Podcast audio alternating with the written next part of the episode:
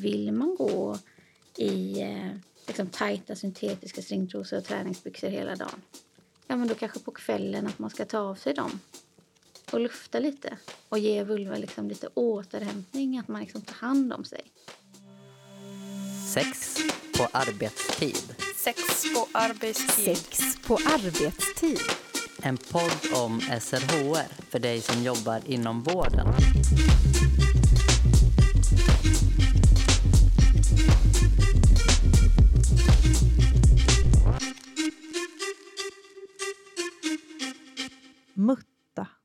Kissimurra, framskärt, fitta, underliv. Kärt barn har många namn. Idag ska vi prata om vulvan och vulvahälsa. Vilka delar består vulvan av och vilka funktioner har de? Vad händer i vulvan när vi blir upphetsade och vad händer om man har sex utan att vara upphetsad? Med i programmet är Siri Lindqvist, barnmorska, sexolog och doktorand. Siri berättar om hur man bäst tar hand om sin vulva och ger en massa bra tips på hur vi inom vården kan prata om och förbättra vulvahälsan. Jag heter Anna Skoglund och gör det här programmet tillsammans med Elin Klingvall. Välkommen hit Siri. Tack så mycket. Idag ska ju vi prata om vulvahälsa. Jajamän. Och vi tänkte att vi börjar lite med terminologin. Mm. Idag är ju snippa ganska etablerat. Men det känns ju lite mer för barn. Det känns ju lite barnsligt. Men kan man säga att vulva är liksom den vuxna motsvarigheten till snippa? Det kan jag nog eh, absolut hålla med om, den beskrivningen. Också är det ett ganska medicinskt ord som liksom vi nu använder mer i vardagligt tal också, vilket jag tycker är positivt. Så absolut, man kan väl säga att det är den vuxna versionen av snippa. När vi frågar runt här och, och frågar kollegor och andra vad, vad, är då vulva så är det lite förvirring som råder. Alltså vilka delar skulle du säga finns med i vulvan? Ja, jag tycker väl det finns en ganska naturlig inramning egentligen i form av eh, den behåring vi har eller inte har som ringar in eh, vulva. Liksom eh, fram till på Venusberget så har vi oftast behåring om vi inte tar bort det. Och sen så går det liksom längs med de yttre blygdläpparna och mellangården. Många har ju absolut behåring även bakom liksom ändtarmsöppningen. Men om man tänker sig att det går uppifrån Venusberget till slidingången längre bak och mellangården som en avgränsande, ett avgränsat område. Så tänker jag att det är de delarna vi talar om medan slidan eller vagina är som en ingång, en gång uppåt livmodern inuti kroppen. Och där gör vi också en avgränsning då. Det är en separat del kan man väl säga. Så vulva är de yttre delarna och Precis. vaginaslida är de Vulva är inre våra delarna. yttre könsdelar. Ja, absolut. Är vulva det ordet som används mest eller finns det andra ord som används för det området? Det finns ju oändligt många ord, men eh, som vårdpersonal är det väl väldigt många som använder underliv, eh, upplever jag. Eh, fler och fler använder väl vulva, men eh, underliv är nog också ganska vanligt liksom, att beskriva. Men det är ju mindre avgränsat och kan ju egentligen betyda hela nedre delarna på något sätt i kroppen. Allt under naveln. Ja, lite så. Ja. Men många saknar ju ord för att benämna och beskriva sin vulva. Vad tänker du att det beror på? Ja, eh, historiskt tänker jag att i grunden eh, det liksom i patriarkala samhällen har det funnits ett behov av att avsexualisera barn och kvinnor. Eh, och det har väl gjort att man liksom reducerat det här området både till någon form av kanske enbart ett hål eller enbart något, något reproduktivt. Eh, men också något hemligt och skamfyllt och liksom någonting vi inte ska tala om. Men då om vi tittar på och grottar ner oss lite mer då i de olika delarna i vulvan. Mm. Vart, vart börjar man? Vart vill du börja någonstans? Ja, men jag tänker om man börjar liksom eh, fram till när man ser på en människa så ser man ju Venusberget och eh, kanske då med behåring som jag sa eller inte. Och det är ju som en kudde fram till med skyddande fett som finns. Och sen så har vi de yttre och sen de inre blygdläpparna.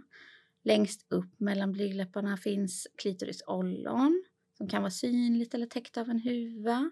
Och sen har vi slidingången nedåt bakåt då. Och de inre blygdläpparna är oftast lite olika långa och de ligger omlott för att skydda det som är innanför.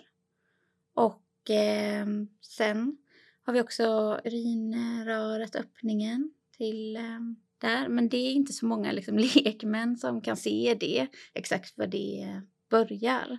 Men det brukar ju befinna sig mellan slidingången och eh, klitorisollon då i slemhinnan, nära slidingången.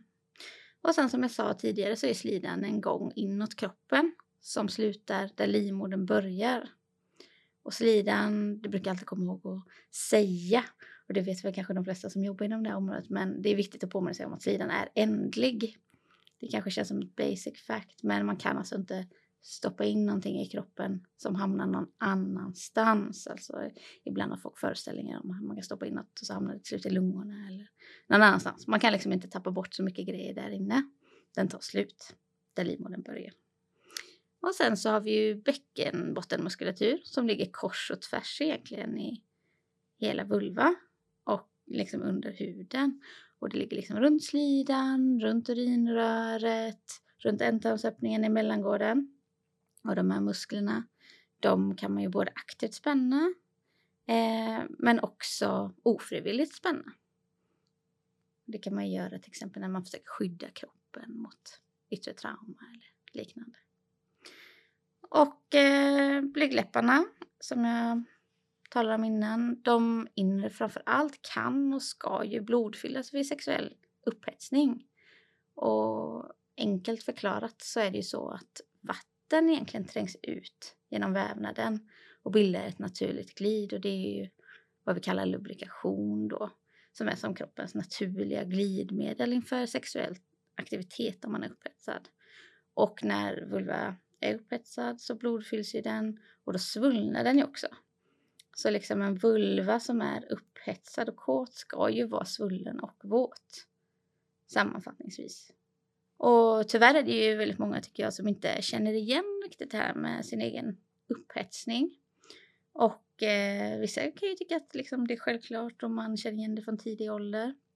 Men många har kanske inte riktigt lärt känna sitt kön på det sättet eller vulva då. Och det tycker jag ofta beror på lite en ojämlikhet mellan hur vi behandlar eh, unga barn som vi liksom ser som killar och tjejer och hur vi uppfostrar dem till synen på deras kön och vad som är tillåtet och vad som inte och vad som är rent och vad som är smutsigt och sådana saker.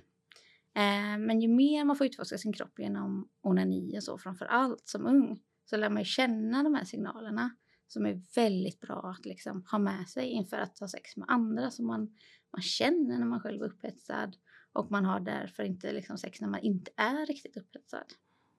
Vad kan man säga som, som vårdgivare ifall man har en person med vulva som, som beskriver att Nej, men jag, jag vet inte riktigt hur det känns eller jag vet inte riktigt när jag är upphetsad eller kåt.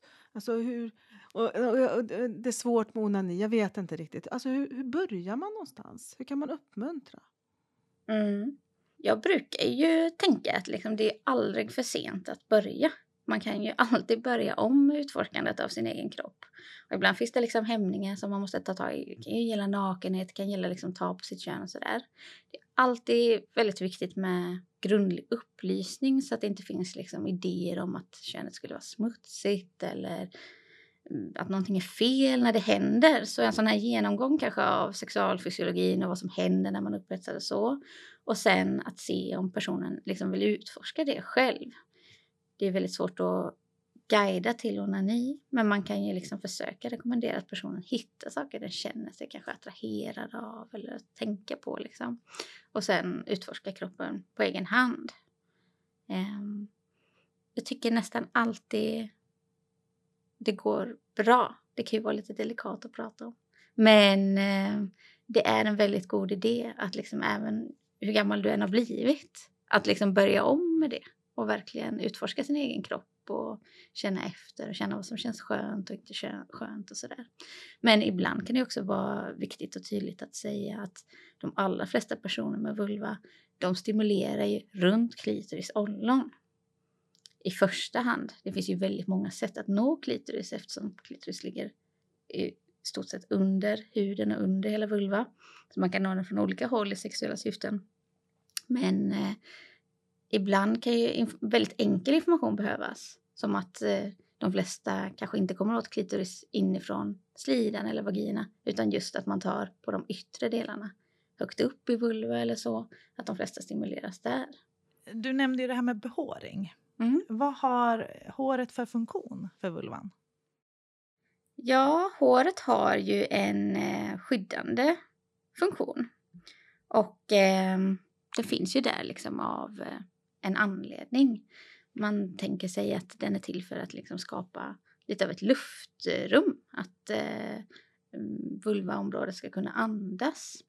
Men sen är det ju jättevanligt i alla möjliga kulturer men också i Sverige idag väldigt vanligt att man tar bort sitt könshår på olika sätt. Då blir det ju också tajtare och plattare liksom mot huden. Och man har ju lite olika känslighet. Och eh, är man extra känslig, man kanske har en extra känslig hudtyp eller liknande. Man kanske är extra känslig för att få vanligt eksem. Då får man också ofta lätt prickar och skav och liknande där när huden inte andas. Och sen kan man också tänka på, har man nu tagit bort sitt hår som är meningen att det ska lufta lite och skapa en barriär kan man väl säga och skydda. Ja, då om man också lägger till att man har syntetiskt material på underkläder och så, då blir det ju nästan som extra mycket eh, instängt och använder man väldigt mycket trosskydd och liknande blir det ännu mera instängt. Så får man problem då kan man ju alltid börja med att skala av det där. Jag tänker man kan alltid börja med att man tar bort trosskyddet. Och sen kanske man får byta till bomullsmaterial på trosorna. Och sen kanske vissa mår bättre visar det sig av att ha lite hår. Men andra går det jättebra och man kan liksom vara helt slätrakad utan problem. Man är lite olika, man har lite olika känslighet. Känner de- flesta till det som jag tänker som du möter på din mottagning att, att det faktiskt kan bli problem med hårborttagning? Ja, jag tror det känns som en ganska känd grej. Jag känner ibland att det är reklam för så här, ja, så ska du raka dig så du inte får röda prickar eller sån, äh, så. Det är väl ganska välkänt att det inte är helt, eh, helt enkelt att få till det rätt. Det är ju framförallt till exempel där troskanter eller un, liksom underklädeskanter skaver liksom med ljumskar eller där ben går emot varandra och man har stubb och liknande. Klart att det kan liksom bli irriterat. Ehm, och sen så är det ju extra känsligt att raka sig just på kant mellan vanlig hud och slemhinna. Det är nästan som att man bjuder in liksom eh, svamp till exempel. Och man skalar bort den kanten däremellan. Så där får man ju vara väldigt varsam. Så jag tror många vet att det är lite problematiskt att få till. Och därför finns det väl också en uppsjö, en stor marknad inom detta området kan man säga. Ja, för det finns ju verkligen en marknad med krämer, med doft och utan doft och det ska smörjas och stoppas upp och in. Ehm, alltså, vad, vad kan man rekommendera som vårdgivare? Alltså, hur tar man hand om sin vulva på bästa sätt? Ja, jag tycker ju att eh, man alltid ska utgå från eh, grundläget i eh, vulva. Och om man tänker sig då att grundläget är att man är liksom lagom duschad, orakad. Vad är lagom duschad? ja, nej jag säger lagom duschad för det är såklart jättesvårt att avgöra. Det är klart man ska duscha om man är smutsig och jättesvettig och då kanske man ska duscha varje dag. Men det kanske inte är nödvändigt för de allra flesta människor. Om man inte tränar mycket eller vad det kan vara. Och man ska ju absolut inte heller skrubba loss där nere. Framförallt inte inne i slemhinnan och absolut inte inuti själva slidingången. Ska man ju aldrig duscha och störa den bakterieflora som är där. Ehm, ja, så lagom duschad säger vi då. Och hur ska man duscha? För det finns ju också mycket. Det finns ju duschkrämer, oljor, eh, intimtvålar. Vad, Precis, vad, precis. Vad, vad passar att duscha med? Ja, um, jag tänker att jag kommer till det för jag, jag tycker att det är lite olika. Och det är, handlar om att utgå från den här liksom, egna känsligheten som man kan ha. Så om vi tänker oss grundläget, en ganska liksom, orörd, orört område med ganska luftiga kläder. Ja, då kanske det går jättebra för vissa att liksom, som jag sa, slätraka sig helt och det blir inga röda prickar och allting blir, går jättebra och huden tål det. Och för vissa som kanske har en extra känslighet på något sätt, alltså kanske att man är i klimakteriet och liksom huden är påverkad, kanske att man tar test, och kanske att man har ett preventivmedel som påverkar slemhinnan och sådär kanske man har någon form av extra känslighet. Kanske att det extra lätt blir infektioner, extra lätt blir svampinfektioner och liknande. Då måste man kanske ta bort någonting av det man vill göra eller åtminstone ge vulva en chans att andas. Det kan till exempel vara att vill man gå i eh, liksom tajta syntetiska stringtrosor och träningsbyxor hela dagen, ja men då kanske på kvällen att man ska ta av sig dem och lufta lite och ge vulva liksom lite återhämtning, att man liksom tar hand om sig. Man kanske ska tänka på att inte då smeta på tusentals krämer i underlivet eller på huden och så, utan bara använda vatten när man duschar eller kanske babyolja, något helt liksom oparfymerat och så. Eh, Medan vissa, vissa kan ju tåla att liksom tvätta sig absolut i underlivet på de yttre delarna, absolut om vi talar med schampo och liksom ljumsken och så som man ändå har i håret. Och det har alltid gått bra och det kommer alltid gå bra. Man får acceptera lite att man är olika. Jag tycker det ställs väldigt höga krav på att kroppen ska vara liksom perfekt för alla i grundläget på något sätt och eh, att vi inte är olika. Att alla ska kunna göra precis exakt samma saker som idealet på något sätt. Då. Eller vad man eftersträvar i modindustri och annat. Då. Så det handlar mycket om att lära känna sin egen vulva och vad den mår bra av? Exakt. Det sammanfattar det väldigt väl tycker jag. Ehm, också att tänka att det är lite ge och ta. Liksom, vill jag ha några speciella kläder eller till exempel om man eh, tycker om att ha liksom, snabbt och hårt in och utsex länge. Ja, då kanske det blir lite skav. Då kanske man får tänka ja, nu måste jag låta vulva vila här ett tag och verkligen återhämta sig innan nästa session av det. Liksom. Om man ja, om man tänker så lite. Att man hela tiden ska låta vulva återhämta sig om man har gjort någonting eller man får lära känna liksom, sin egen kropp och vad den tål kan man väl säga.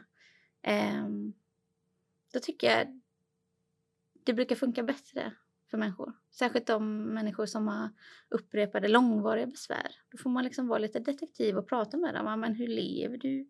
Hur gör du? Vad liksom, kanske har du för kläder? Och hur duschar du? Alltså man får gå igenom nästan allting. För att kanske långsiktigt hindra det här med upprepade infektioner och liknande.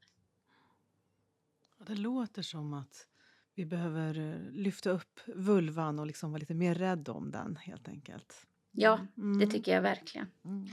Men är vulvan en mer känslig del av kroppen än andra delar? Vulvan är ju jättetålig egentligen i vissa aspekter kan man väl säga. Men eh, eftersom det är slemhinna där och det är ett väldigt nervrikt område så innebär det ju vissa liksom, känsligheter kan man väl säga. Medan å andra sidan så i vissa fall så har man ju en vulva och föder barn och man läker jättebra och det är jättebra liksom läkekött kan man väl säga i, i slemhinnan och så. Men eh, jag skulle säga nej, men vi utsätter den för väldigt mycket. Mer kanske än vad vi tänker på om vi då försöker falla tillbaka på det här naturliga grundläget. Om man tänker lite så, ja då gör vi grejer kanske hela tiden med vulva. Många gör det. Man kanske framförallt har tajta och instängda kläder. Det är väldigt vanligt. Liksom. Mm. När, när vi åldras och även liksom vulva förändras i det, vad är det som händer där? Slemhinna och så vidare. Ja, när vi åldras och framförallt då i klimakteriet då börjar ju liksom den reproduktiva förmågan trappas ut. Och eh, då ändras väldigt mycket hormoner i kroppen. Och hormoner är inte så himla eh, exakta som man skulle vilja. Detta gäller ju även om man till exempel tar eh, syntetiska hormoner eh, som preventivmedel. Då kanske man vill en sak, man kanske vill förhindra ägglossning. Eh, men man får också kanske torrare slemhinna liksom som bieffekt fastän det inte är meningen. Och i vissa fall får man lite förbättrad slemhinna om man liksom tillsätter östrogen. Det finns ju för och nackdelar där med. Men i klimakteriet när man liksom vill lägga ner reproduktionen då är det ju väldigt lätt att framförallt slemhinnan påverkas och blir i de flesta fall torr. Jag jobbar ju framförallt med yngre personer men jag vet ju att under klimakteriet så förändras också kanske behovet av eventuell hormonterapi. Att kanske till exempel inledningsvis i första delen så kanske man behöver tillskott av gestagener mer, kanske under menopaus kanske både gestagen och östrogen och framför allt efteråt så är det östrogenbrist då. Um, och det kan ju vara så att man behöver hjälp med det och då tycker jag absolut man ska söka. För som sagt torrhet i slidan, jättevanligt kan ju leda framförallt till många sexuella besvär men också ökad infektionsrisk och så. tycker många verkar inte känna till det här med lokal östrogenbehandling. Nej. Alltså att vi är lite dåliga på inom vården att berätta att, att det faktiskt kan göra ganska stor skillnad. Det håller jag absolut med om. Jag tror också det finns fortfarande kvar någon slags liten rädsla som hänger kvar från kopplingen till östrogen och bröstcancer och detta. Men eh, vi vet ju idag att det absolut rekommenderas ju i väldigt många fall. Så jag tänker, har man problem, gå och sök för det. Liksom. Det här med glidmedel då, är det någonting som också kommer först i klimakteriet eller någonting som personer kan behöva använda innan? Vi pratar om det här med lubrikation och så. Ja, glidmedel är, det är en speciell fråga tycker jag. Någonting som jag pratar ganska mycket om för jag har varit med om att glidmedel är väldigt i välmenande syfte liksom ges som råd när personer söker eh, vård inom det här området.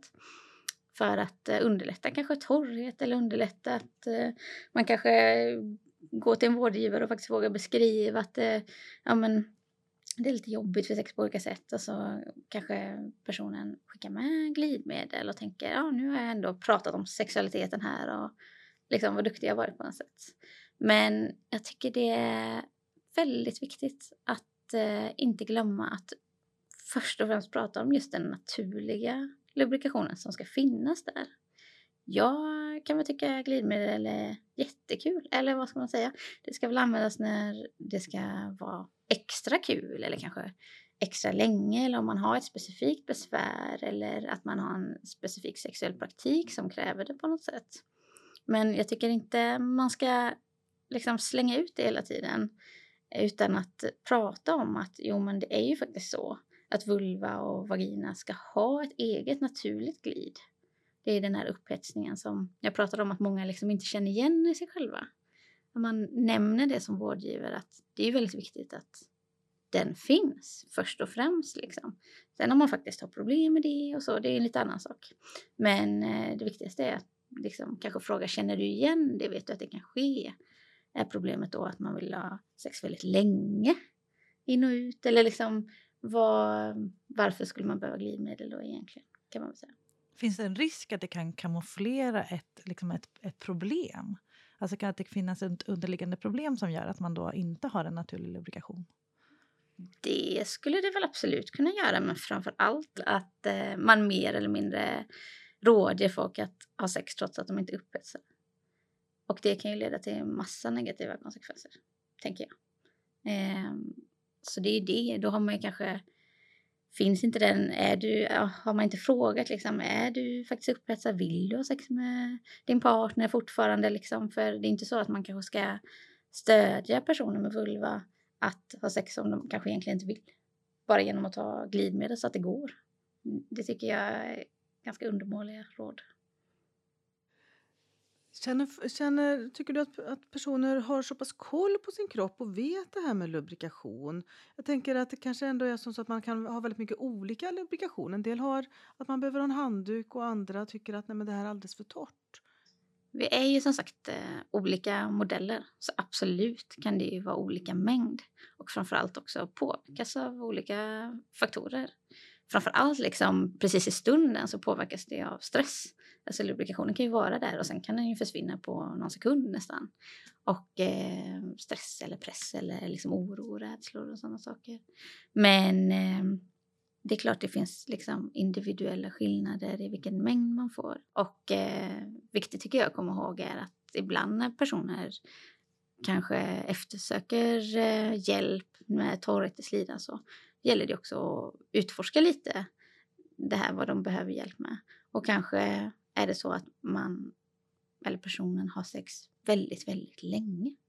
Och att det finns en liten orimlig förväntan på att lubrikationen och kroppen ska liksom eh, hinna ja, producera så mycket under så lång tid. Alltså om man tänker att man har in och utsex eller omslutande sex eh, så är ju kroppen inte gjord för det speciellt länge. Alltså, klart individuella skillnader där, men det finns ju något snitt runt fem minuter kanske och kanske en kvart. Men sen när folk börjar liksom köra någon, något träningspass på 45 minuter, då är det klart att det uppstår torrhet och liksom stor friktion om man inte hjälper till med glidmedel eller man åtminstone byter praktik och eh, har andra typer av sex emellan kanske och, eller pausar på olika sätt och så.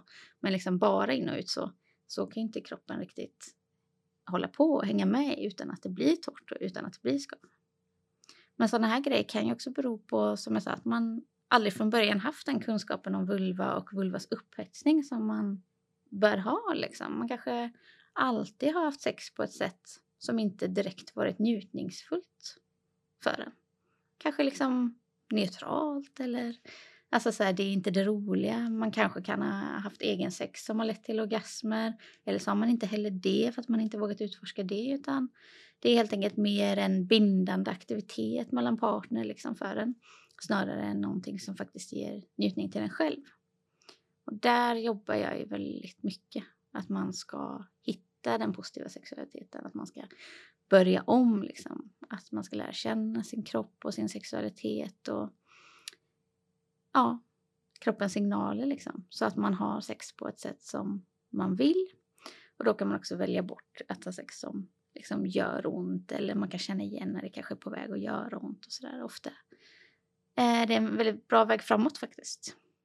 Vi har i tidigare avsnitt pratat en hel del om vulvasmärta men det, eh, tänker att vi behöver göra det här också egentligen. Hur jobbar du med vulvasmärta? Jag jobbar ju väldigt mycket med vulvasmärta. Ibland har det nästan uteslutande varit hela min patientgrupp egentligen. Och eh, det kom väl som en stund för ett antal år sedan, liksom, eh, ett ögonblick där min hjärna klickade till lite. Och jag kände att jag fick eh, insikt om det lite övergripande problemet när det gäller vulvasmärta. För tidigare kanske jag rent praktiskt har gett samma råd om att ta hand om kroppen, att vulva ska vara redo för sex och att undvika sex som skaver med mera, med mera. Uh, men när jag liksom lyfte blicken och liksom fick ihop det i huvudet lite så känner jag ju att uh, smärtorna i förlängningen nästan jämt beror på att eh, uh, heterosis-tjejer inte har sex på ett sätt som är för deras skull utan för andras. Det är liksom sammanfattningen av hela problematiken. Sen berör ju problematiken ja, muskulatur, slemhinna, massa olika delar. Men det är liksom det överhängande problemet. Oftast är det på en nivå där man inte ens är medveten om det. För som jag har pratat om nu flera gånger här, att man liksom inte riktigt känner igen vad njutning är och kanske inte alls njuter tillsammans med en kille eller njuter ens vid egen sex. Så det är ju en genusfråga i stort. Och eh, de här feminitetsidealen liksom skapar de här duktiga flickorna som vill behaga och inte ens tänker på att de inte har sex för någon annans skull. Liksom. Eh, så sen dess har mitt mission väl varit att eh, försöka återskapa den insikten liksom och hos framför allt då unga tjejer som söker till ungdomsmottagningen och andra personer med vulva. Att liksom se att även om deras sexliv är unikt så påverkas ju det av patriarkala strukturer. Och eh, man kan liksom ändå börja om. Man kan börja från noll och eh, lära sig att liksom äga sin kropp och sexualitet igen.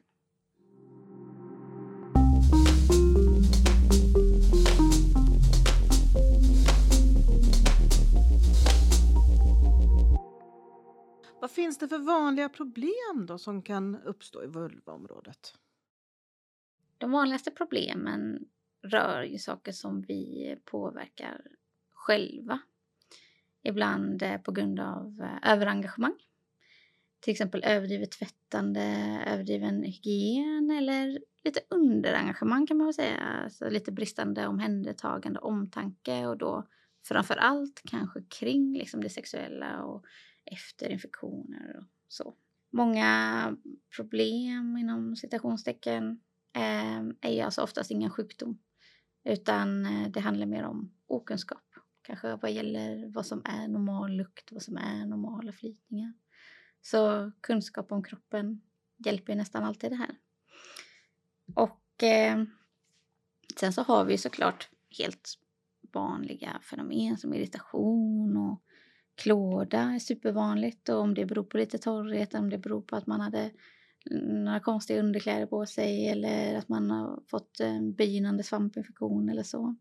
Ehm, det kan ju vara lite olika. Det kan ju också handla om att man har ett preventivmedel som inte passar en riktigt. Och avvikande lukt och flytningar är såklart också vanligt. Ehm, men flera av de här problemen är ju också kopplade till vagina eh, och kanske livmodern och den reproduktiva förmågan. Så det hänger ju oftast lite ihop. Men problemen blir ofta för synliga kanske i eh, vulva. Och sen icke att förglömma så har vi STI, alltså könssjukdomar, som eh, kan eh, vara grunden till en del besvär. Och där gäller det ju nummer ett såklart att man försöker skydda sig mot dem. Eh, och nummer två att man åtminstone testar sig regelbundet. Så vad ska man göra annars då? Eh, vad finns det för hjälp och behandling att få? Det finns ju såklart eh, en mängd olika vårdnivåer och eh, eftersom de flesta problem kan avhjälpas av rådgivning och kunskap så kan man ju först, liksom, såvida man inte är akut sjuk med liksom svåra smärtor och feber och liknande, då ska man absolut söka direkt i, i de flesta sammanhang. Men ehm, behövs kanske mer råd och kanske en bedömning av läkemedel och det kanske handlar om upprepade infektioner och upprepade besvär, långvariga besvär och så, så är det ju kanske inte bråttom. Men eh, där är ju oftast barnmorskemottagningen en ganska god instans. Där jobbar ju barnmorskor och det är ju en del som inte vet att barnmorskor gör gynekologiska undersökningar och kan lätt göra liksom en första bedömning av vad det kan handla om. Eh, och sen så har vi också gynekologer som många upplever som lite svårare att nå och det finns färre av dem. Men man kan oftast få kanske de här råden eh, som i de allra flesta fall behövs på barnmorskemottagningen. Eller för den delen då ungdomsmottagningen. Ja, barnmorskor och gynekologer är alltså främst de som jobbar med vulva. Men eh, din vårdcentral har också ett ansvar och ska liksom motse personer som har vanliga besvär som svampinfektioner och liknande. Men tyvärr uteblir där av flera anledningar ofta undersökningar, alltså gynundersökningar. Och det kan ju lätt leda till fel diagnos.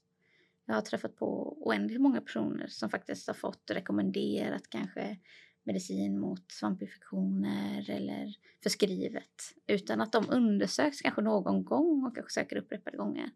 Och det är en lite känslig punkt för mig för det leder det ofta till kanske vulvasmärta, att man har de här upprepade smärtorna, infektionerna och kanske felbehandlar på olika sätt. Så eh, där är det ju också extra viktigt att om man nu förskriver eller rekommenderar medicin mot eller för svamp, då är det väldigt viktigt att man informerar om att den är så liksom hård mot slemhinnan den med. Vulva behöver vila. Alltså jag säger gärna två, tre veckor säger jag innan man liksom återupptar någon form av kanske sexuell aktivitet eller att man börjar utsätta vulva för, för tajta kläder och sådana saker igen. För det behöver verkligen lägga sig, både liksom själva svampinfektionen men också efter behandlingen.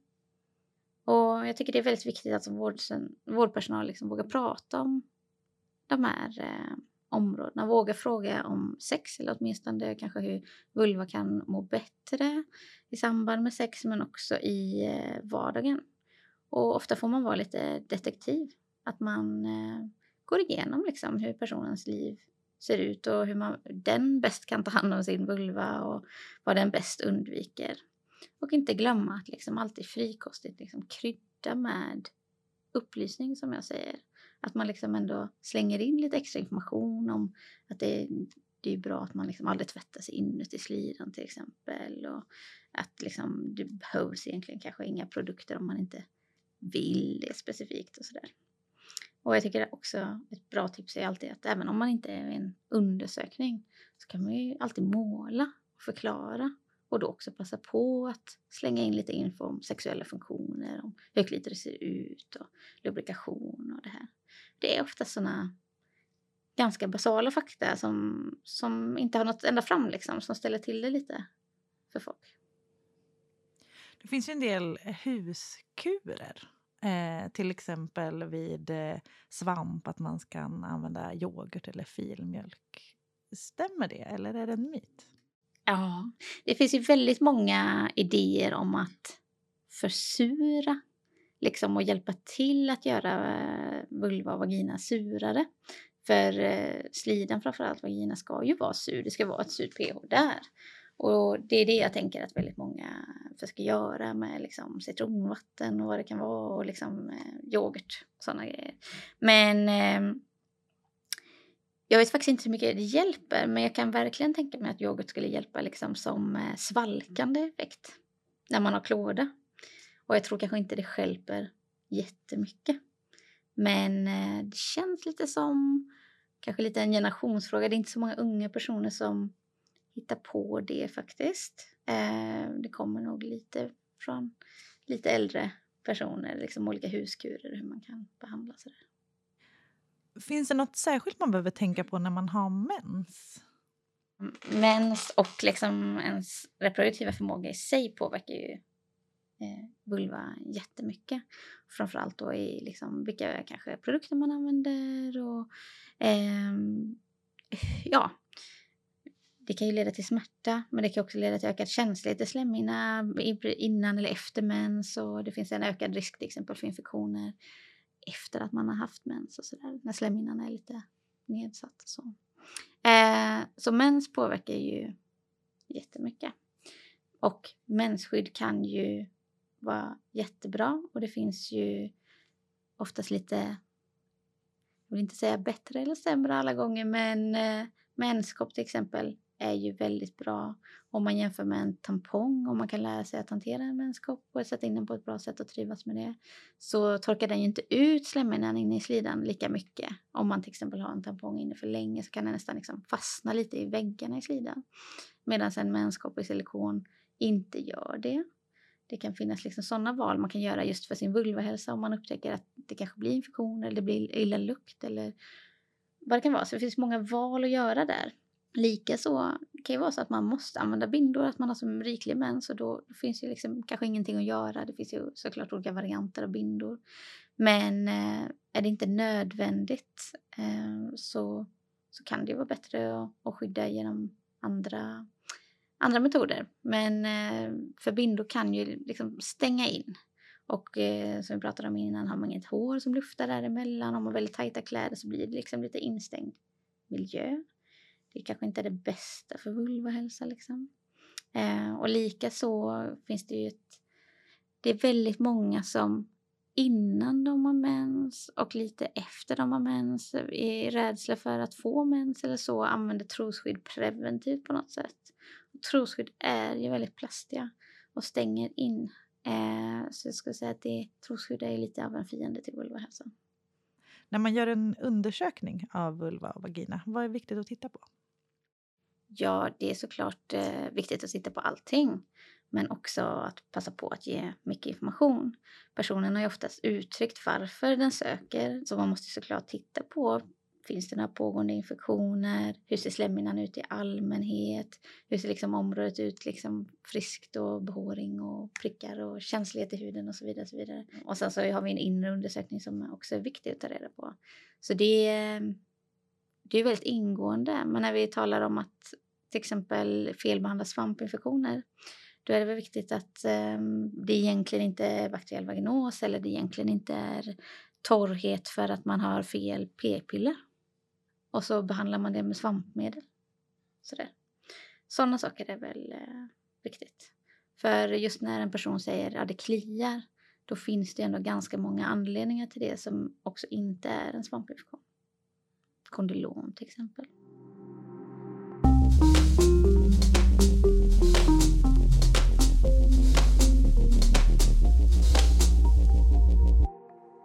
Det blir ju allt vanligare att man gör liksom kosmetiska ingrepp i vulva. Minskar blygdläppar och så vidare.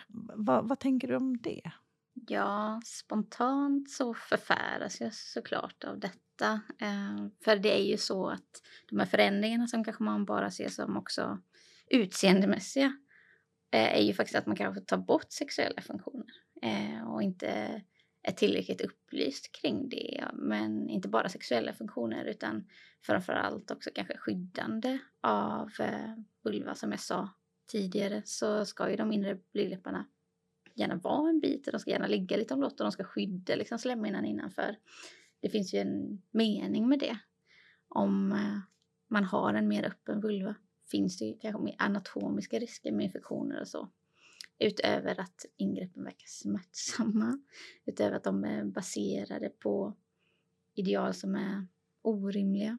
Så eh, ja, jag tänker att väldigt många av de här eh, idéerna kring hur vulva skulle se ut skulle kunna eh, hjälpas liksom med grundlig upplysning och att vi har en bättre bild av hur vulva kan se ut och framförallt hur olika vulva kan och ska se ut hos olika människor.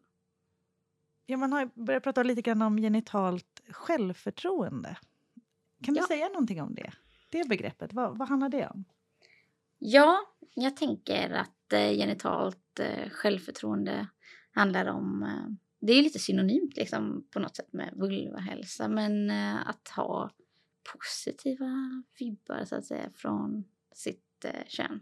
Det handlar ju om att våga visa sig naken och kunna liksom, njuta och, eh, av sin kropp liksom, istället för att bli onödigt hämmad av oro för naturliga saker såsom helt naturlig lukt, helt naturlig behåring eh, och helt naturligt utseende.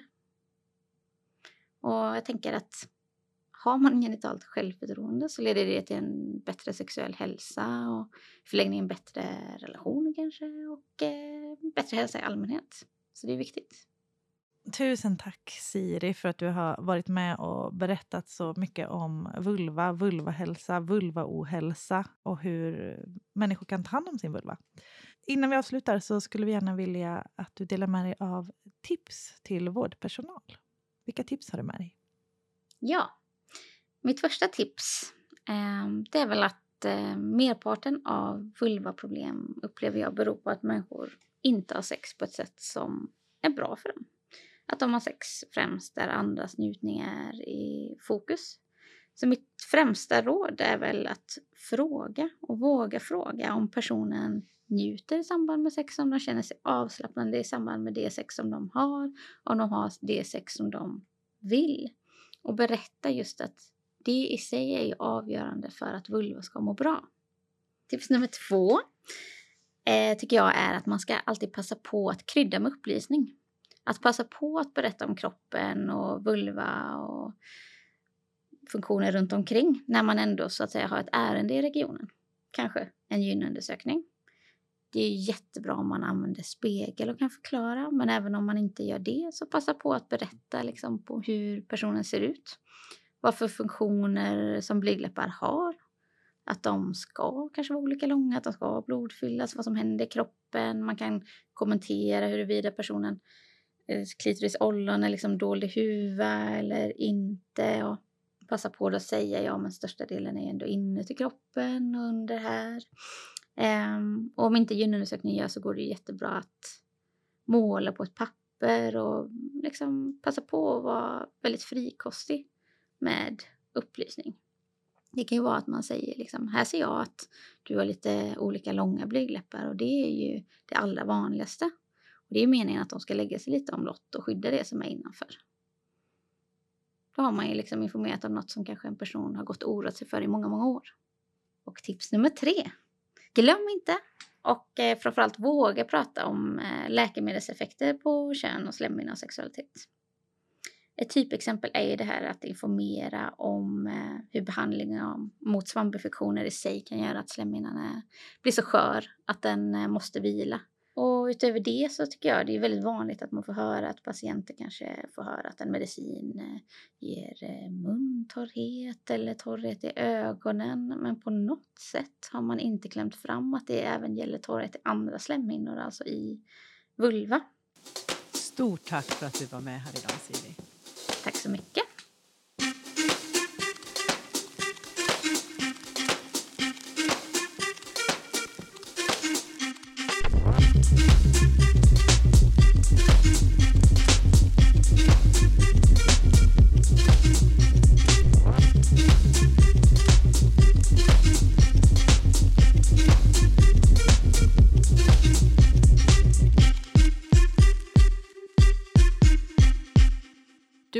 Sex på arbetstid, en podd som görs av Kunskapscentrum för sexuell hälsa, en del av Västra Götalandsregionen. Producent var Elin Klingvall.